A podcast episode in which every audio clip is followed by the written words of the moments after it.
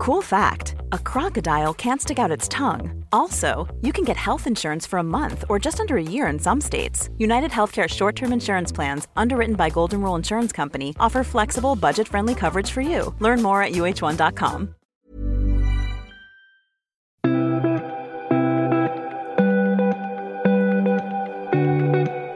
Vi ska ta med er på en minst sagt njutbar vandring, en riktig må bra-vandring på cirka en timme. För vi ska besöka det hyllade och mäkta imponerade lantgodset Reisha. Och det här Carolina ska du och jag prata om i Podcast Mallorca när du där ute är välkommen till, som sagt, Carolina. Hej, här heter jag. Och här är jag, Karina. Och Carolina, det här är ju ett fantastiskt ställe. Ja, minst sagt. Står omtalat om det i, i, i många guideböcker och ett måste att besöka. Mm. Det är väldigt speciellt, Raisha. Det är otroligt eh, vacker och väldigt stor gård som man ser på håll. Baksidan av gården vetter mot en ganska ja, hyfsat brant eh, del av Tramontana eh, där de har byggt upp i trädgårdar och gångstigar. Och framsidan är helt platt, så det är precis i gränsen mellan det platta Mallorca och det bergiga Mallorca. Otroligt imponerande och, och väldigt vacker arkitektur också. Den har den här gården, Reisha. Men du, många pratar ju om det, inte bara för den här otroliga arkitekturen utan vandringen dit som ju då är inte så mycket uppåt utan ja, lite sluttning, inte så mycket. Så att det är en ganska bra vandring dit eh, och lite kortare sådan. Cirka 45 minuter, beror ju på hur fort man går, men en timme kanske, enkel väg. Tre mm. kilometer. Jag har själv tänkt på att dit kan man ju gå med barn och det har inte riktigt blivit av. Så när jag var där så tog jag bilen. Men eh, just för att det är så slätt, det är väl precis då nedanför Tramontana. Så man ser eh, omgivningarna, olika slags omgivningar så att säga. Men det mest häftiga är ju att gå nu under den här årstiden när det är mandelblomning.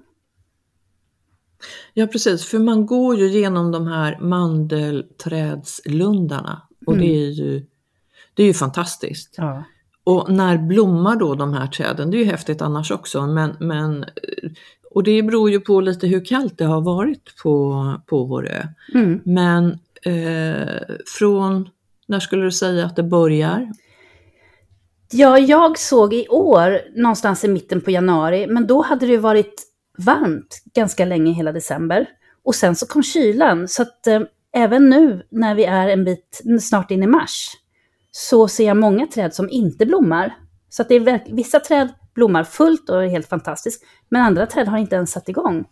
Eh, och det beror ju lite på hur de ligger med skugga och sol och sådana saker. Men eh, vintern började varmt i år och sen så blev det kallt och eh, nu så är det väl på gång och, och nu kommer värmen igen.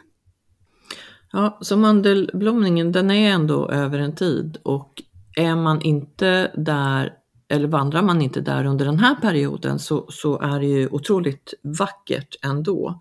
Mm. För att eh, de här träden, de, de, står ju på det här härliga gräset. Mm. Och så finns det de här gula blommorna Ja, de är jättefina. Jag har dem till och med på min balkong för att, eh, i någon kruka för att de, de här eh, vad heter det, fröna, de flyger runt i luften överallt. De är otroligt vackra. Ah, de är självsådda ja, på terrassen? det är nog så, precis. Ja, ja. Så det, nu när, när det har kommit regn och det kommer sol, det är då det börjar blomstra här på Mallorca. Och det är otroligt vackert, eh, inte bara mandelträden utan överallt är det vackert med, med färger, med blommor som, som du säger, självsådda och, och växer helt naturligt.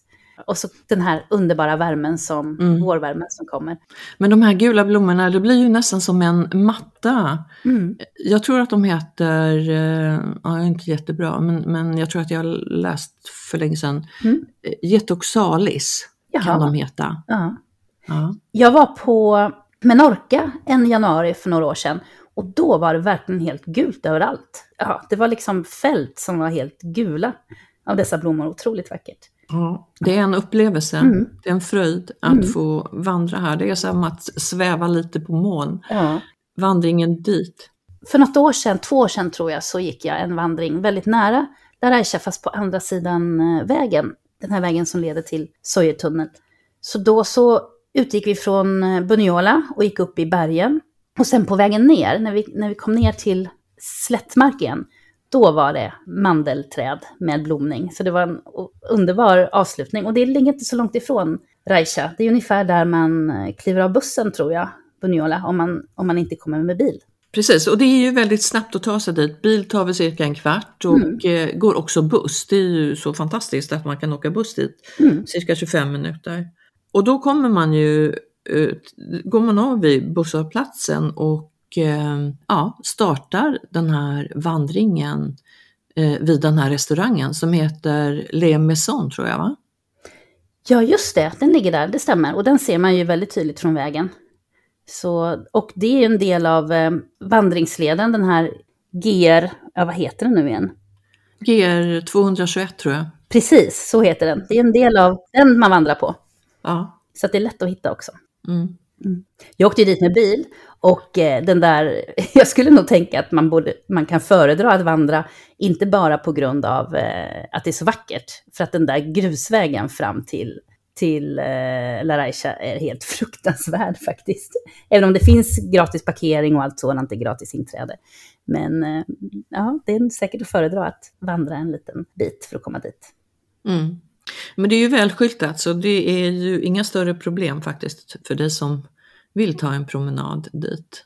Nej, eh, och den här eh, ja, GR 221 är väl det man följer för att komma dit. Mm. Och den här lantliga vägen där gårdar ligger liksom på båda sidor om vägen. Mm. Så vackert.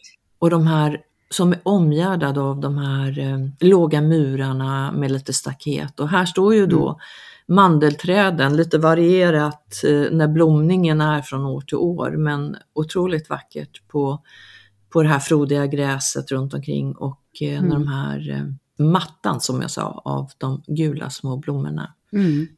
Ja, det, det bör upplevas. Ja, precis. Kan rekommenderas. Och sen när man kommer fram till Laraisha så har de också en stor odling, alltså det är slättlandskap framför gården. Och då finns det både apelsinträdslundar och mandelträdslundar. Eh, alltså som är, som är planterat och, och eh, jag vet inte om det är... Det är staten som äger La Raixa, eller om det är lokala konsejet, skulle jag tro. Eh, och jag antar att det är deras eh, lundar, deras mark runt omkring också. Men det här, det här godset har ju hyllats, eh, som jag var inne på tidigare, Eh, för den här arkitekturen som man då kallar för den neoklassiska eh, arkitekturen. Och här finns ju då fontäner och skulpturer och blandat med höga palmer och cypresser. Mm. Ja, det är fantastiskt. Det är ju en eh, italiensk till och med, italiensk neoklassisk arkitektur. Därför att eh, det här har ju funnits ända sedan morerna. Man, har, man vet om att det, morerna hade en, ja, en slags gård här. För att platsen tror jag är så idealisk, precis vid foten av Tramontana. För att man, det tar tillvara vattnet. Morerna införde ju bevattningssystemet på Mallorca. De var här fram till eh, mitten eller början på 1200-talet. Och eh, La Raicha är inte den enda gården, utan det finns eh, flera gårdar som de, eller marker ska man säga, som, där de etablerade sig, som var sådana här riktigt idealiska platser. Och eh, Bevattningssystemet eh, ordnade de med sådana stora ja, vattenanläggningar. Men på 1700-talet då när den här eh, italienska kardinalen kom, det var han som eh, kanske införde karpar, så de har ju funnits där hela tiden och finns fortfarande. Eh, så att allt det här har ju tagits tillvara när då eh, den här kardinalen då, Despuch heter han, kom på 1700-talet och eh, ville göra något liknande i sitt hemland, skulle jag kunna tänka mig. Ehm, med just trädgårdar, med eh, eh, skulpturer, som du sa, både över sig själv och över ja, symboliska, vad ska man säga, kanske gudar eller vad det nu kan vara. En trädgård är döpt efter guden Apollo, som ju är eh, solens och konsternas gud. Så är det är verkligen en upplevelse att eh, bara vandra runt. Och du, när du är inne på Apollo-trädgården där, där, det är väl där de här berömda, eller det är där de berömda trapporna är? Precis. Ja, de känner man ju igen på många bilder också. Otroligt vackert. Ja, det var nästan det jag mest ville dit för faktiskt, för att de var så fantastiskt imponerande. Och det är de verkligen. Eh, det ligger precis på baksidan av gården, lite i skugga sådär, för att det ligger så nära intill.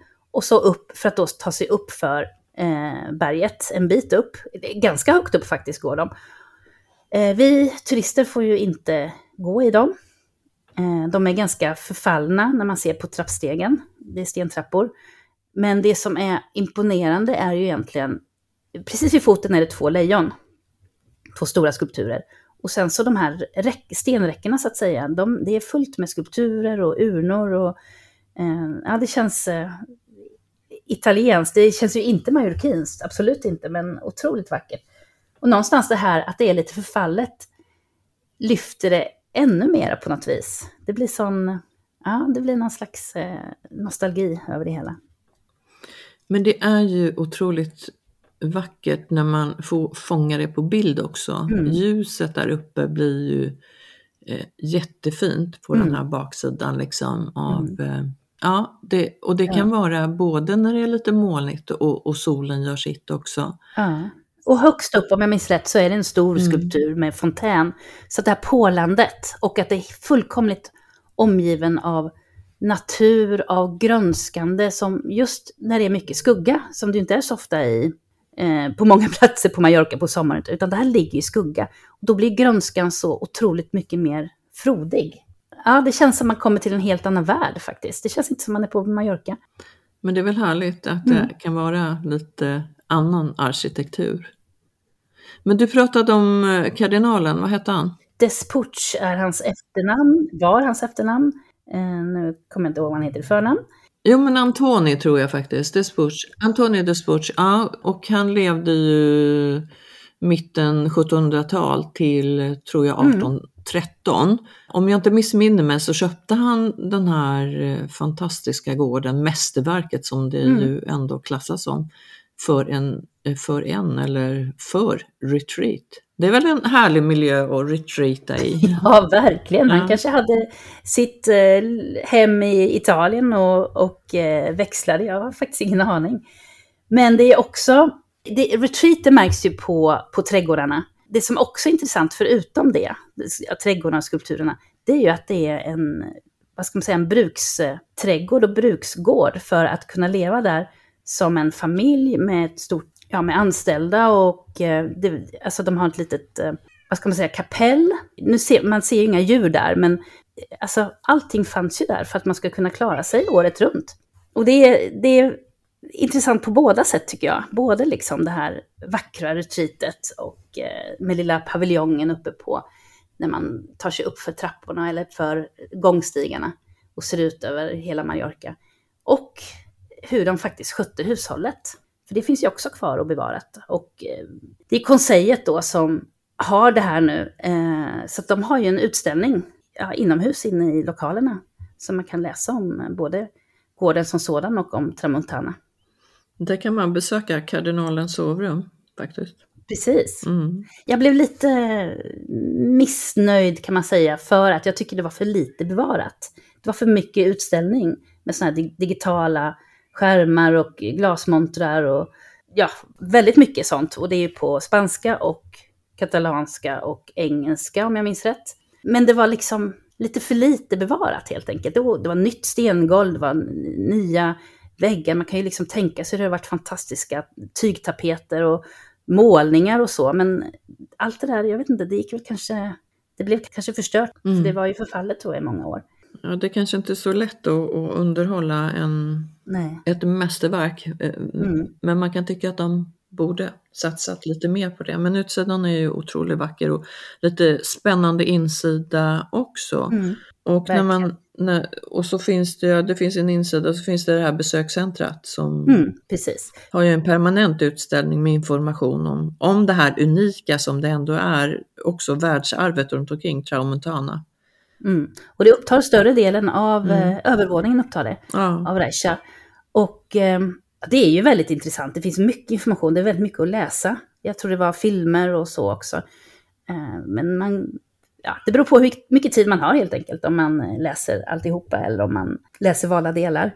Men sen kom man då in i kardinalens sovrum som är ju väldigt pampigt givetvis och mycket tyger och, och så. Och sen så kom man in i en matsal eh, som bara delvis är matsal, för mest så är det de här informationssakerna eh, ja, som är uppställda där. Men sen kom man in i köket och det gillar jag faktiskt. Köket är, eh, det ser ut att vara bevarat som det en gång var. Det tyckte jag var fint att se och intressant.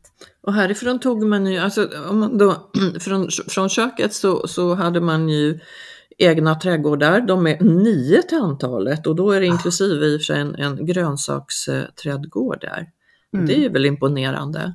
Ja, verkligen. Och då verkligen den här blandningen då av eh, nyttoträdgårdar och eh, rekreationsträdgårdar. För en del var bara ja, rosor och buskar och fontäner och vackert att vandra i. Och, ja, skulpturer och utsikt. Medan andra var, och är idag, än alltså. För att de har ju på något sätt eh, eh bevarat, det verkar som att de säkert har, de kanske till och med har hittat resterna av de örterna och grönsakerna som fanns där och träden. För nu så är det en vacker trädgård med eh, allt möjligt som, som växer. Mm. Men jag tänkte just när du var inne i köket där så är det ju väldigt praktiskt att ha den här äh, egna grönsaksträdgården med, med massa kryddor och ja. det fanns någon japansk frukt till och med tidigare. Jaha. Kanske finns nu också. Ja. Men tidigare läste jag. Och det fina med köket var att det har ett, ett litet fönster då. Dels har det någon slags äh, gång eller man kunde liksom leverera saker ner till en slags bergsrum eller stenrum en trappa ner som var väldigt stort. Och det, där fanns ju den här klassiska som många gårdar har bevarade, den här olivpressen. Men också väldigt mycket förrådsutrymme. Och det var ett stort, alltså väldigt rymligt förrådsutrymme. Så att eh, det skulle ju väl klara hela vintrarna och till eh, både familj och personal och gäster. Och det kanske är då eh, grönsaker mm, som man lagt in, det är kött, det, är, det kan vara ostar, marmelader, eh, allt möjligt då som skulle förvaras där.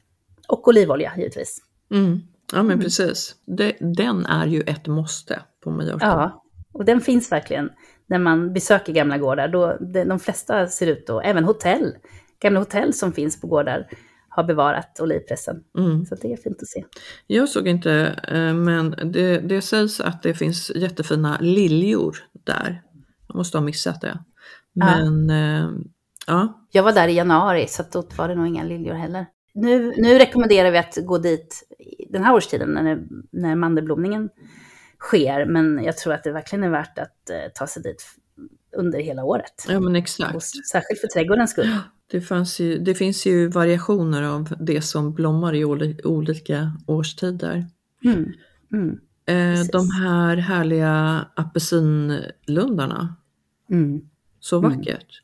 Ja, de apelsinerna, de lyser ju orangea på vintern. Mm.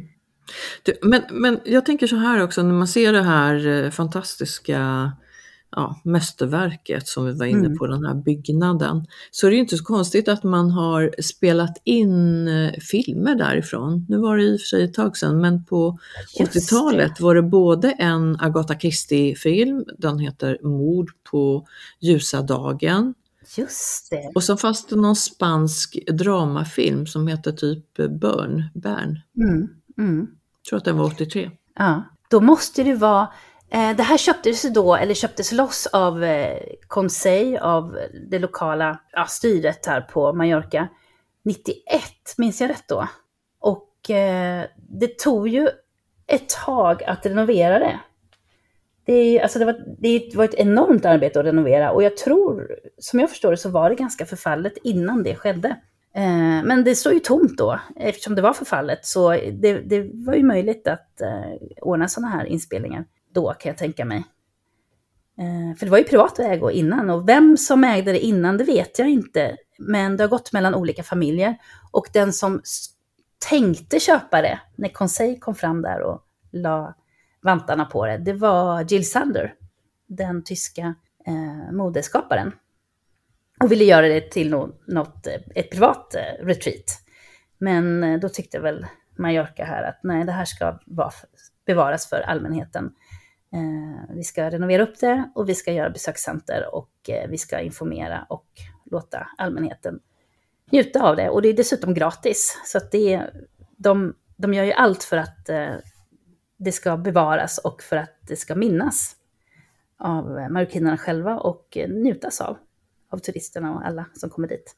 Men då blir det ju ett retreat när man bara tar den här vandringen och, och Ja. går runt där i trädgårdarna och den här fantastiska byggnaden. Mm.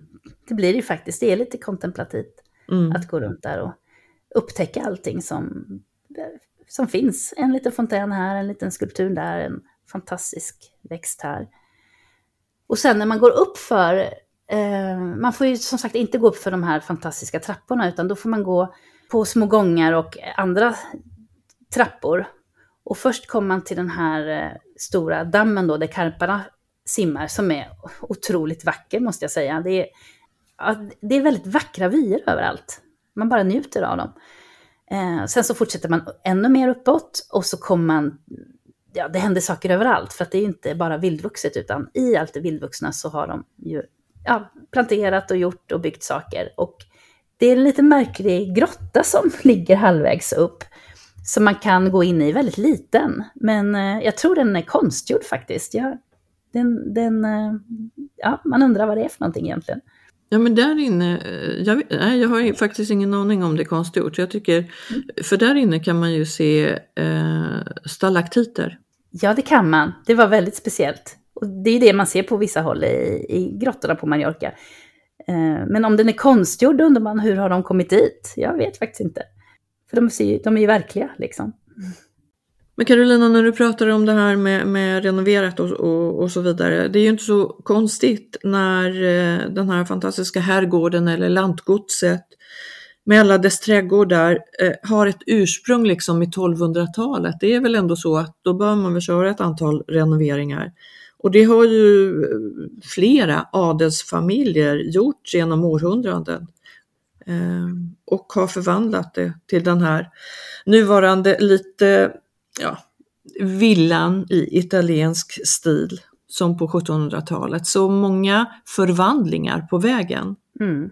Jag tror att ja, innan, om nu kardinal Despuch gjorde större delen av det som vi ser idag, så tror jag att det var, och det kanske han gjorde under flera omgångar, så tror jag det var många olika varianter som fanns innan han kom dit.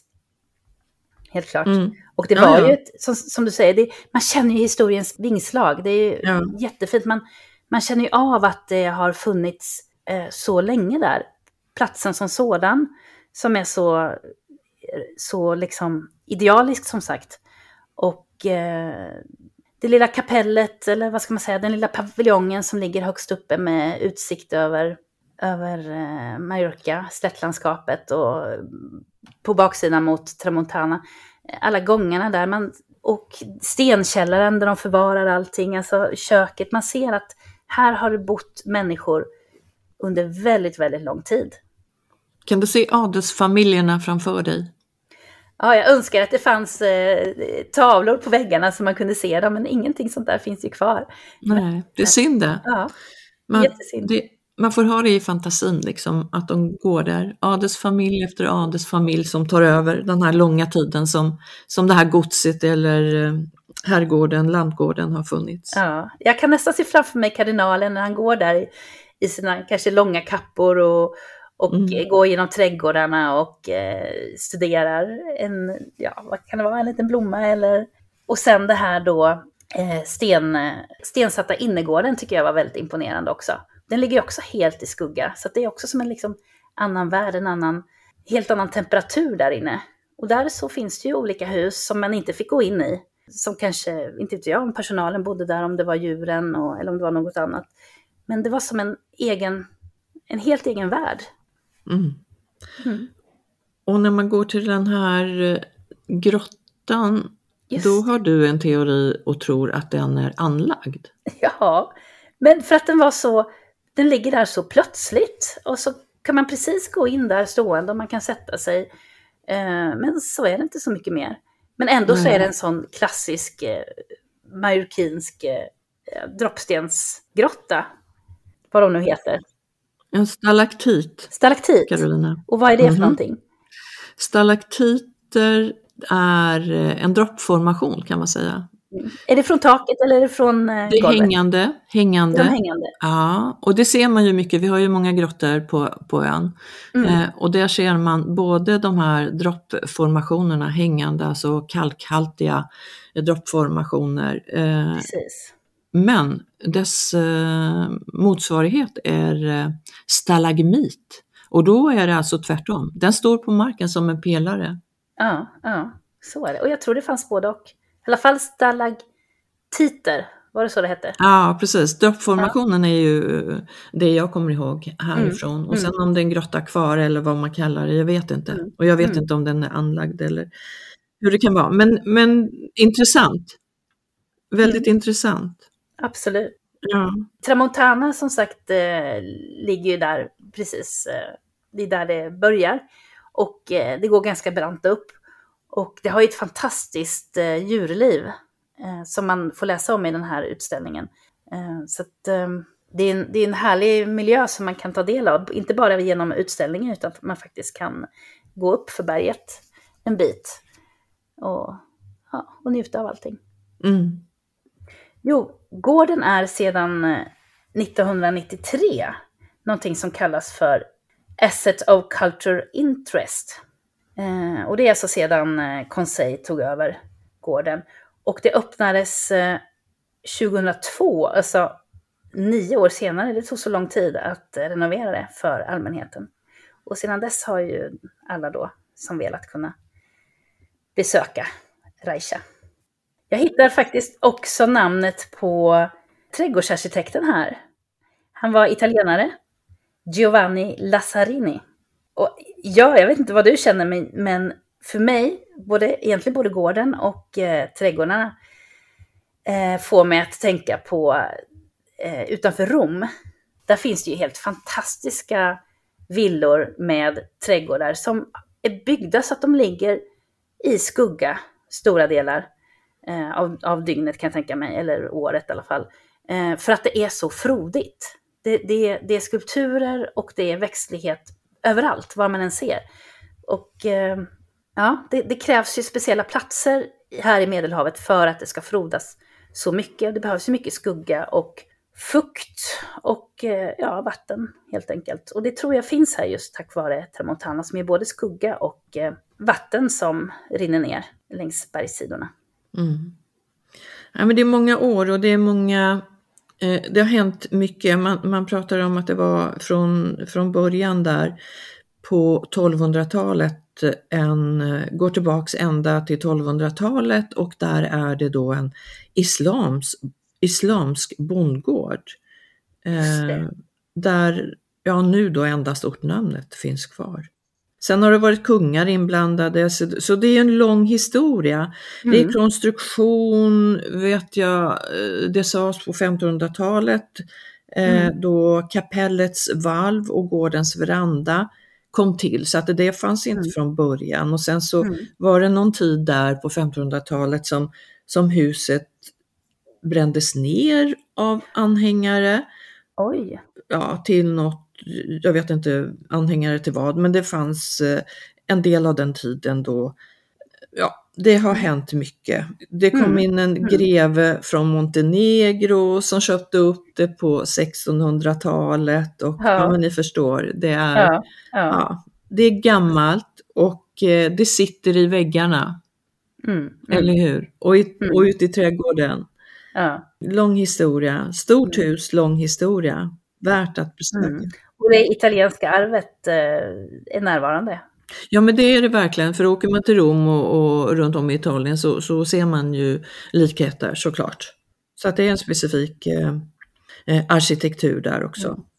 Och det är ju inte så märkligt heller, för Mallorca har ju varit en plats som har lockat eh, människor genom århundraden från olika platser kring Medelhavet. Eh, morerna som sagt eh, var ju först, romarna har varit där eh, och eh, spanjorerna var ju faktiskt också utomstående från början innan de kom då på 1200-talet. Så att eh, Mallorca, lika väl som det är mycket turister från alla håll, idag så har det ju alltid funnits människor som kommit utifrån och eh, tagit sig an den här vackra ön. Vi kan prata om eh, ärkehertigen Ludvig Salvator eh, av Habsburg. Det är han som har anlagt den välkända ärkehertigen Stig, som jag tror många svenskar har gått, och väldigt många överhuvudtaget. Eh, och han har ju även, eh, han står också bakom många vackra miljöer eh, runt Valdemossa. Och han kom från Österrike och förälskade sig i ön och då var ju Mallorca, ja det var ju på 1800-talet, alltså han, han står för mycket av det här vackra moderna Mallorca som finns idag. Och som verkligen, tror jag, kanske gjorde det lite känt också utanför Mallorca som vi var landsbygd och jordbruksbygd väldigt mycket tidigare. Carolina, det finns många anledningar att besöka den här platsen, byggnaden och, eller byggnaderna ska vi väl säga, för det är ju flertal. Eh, omgivningarna i hjärtat av den majorkinska landsbygden när den är som vackrast. Det här är en härlig mm. plats att bara retreata själv på, ta bilder, ta videos på mm. och uppleva allt det fina. Och vi har pratat om historien som går tillbaks till 1200-talet och där har både varit eh, adelsmän och kungar och arkitekter och, och, så vidare inblandade. Jag förstår att det här magiska tilltalar många, inte bara konstnärer och eh, arkitekter eller arkitekter som det heter kanske, utan det, det lockar även väldigt många turister. Och hur öppettiderna är, det beror lite grann på vilken årstid man är, men tisdag till lördag är det som brukar vara öppet och gratis är det.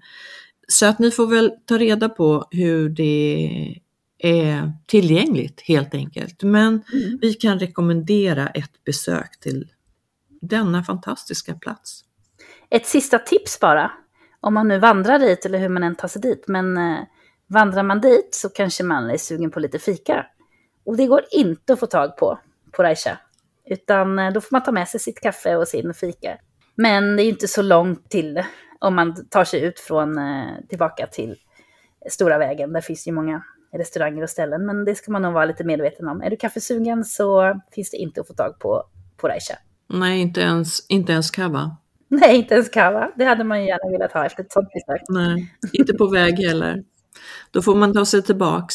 Så ha med lite egen kava eller kaffe eller fika eller mackor eller vad ni vill ha på denna relativt korta och lätta mm. vandring. Precis, det är inte så långt från Palma så man tar sig snabbt tillbaka till civilisationen. Ja men precis, lite vinrankor eh, finns det ståtliga vid byggnaden men eh, ja, någon vin kan vi inte hitta. Nej. Nej, tyvärr inte. Det hade man gärna sett. Jag hoppas att ni njuter lika mycket som vi har gjort på den här härliga vandringen som vi verkligen varmt rekommenderar. Och Carolina, vi är eh, tillbaks eh, alldeles inom kort med ett nytt eh, podcast Mallorca och du får jättegärna följa oss på både Facebook och Instagram på podcast Mallorca så hörs vi snart igen.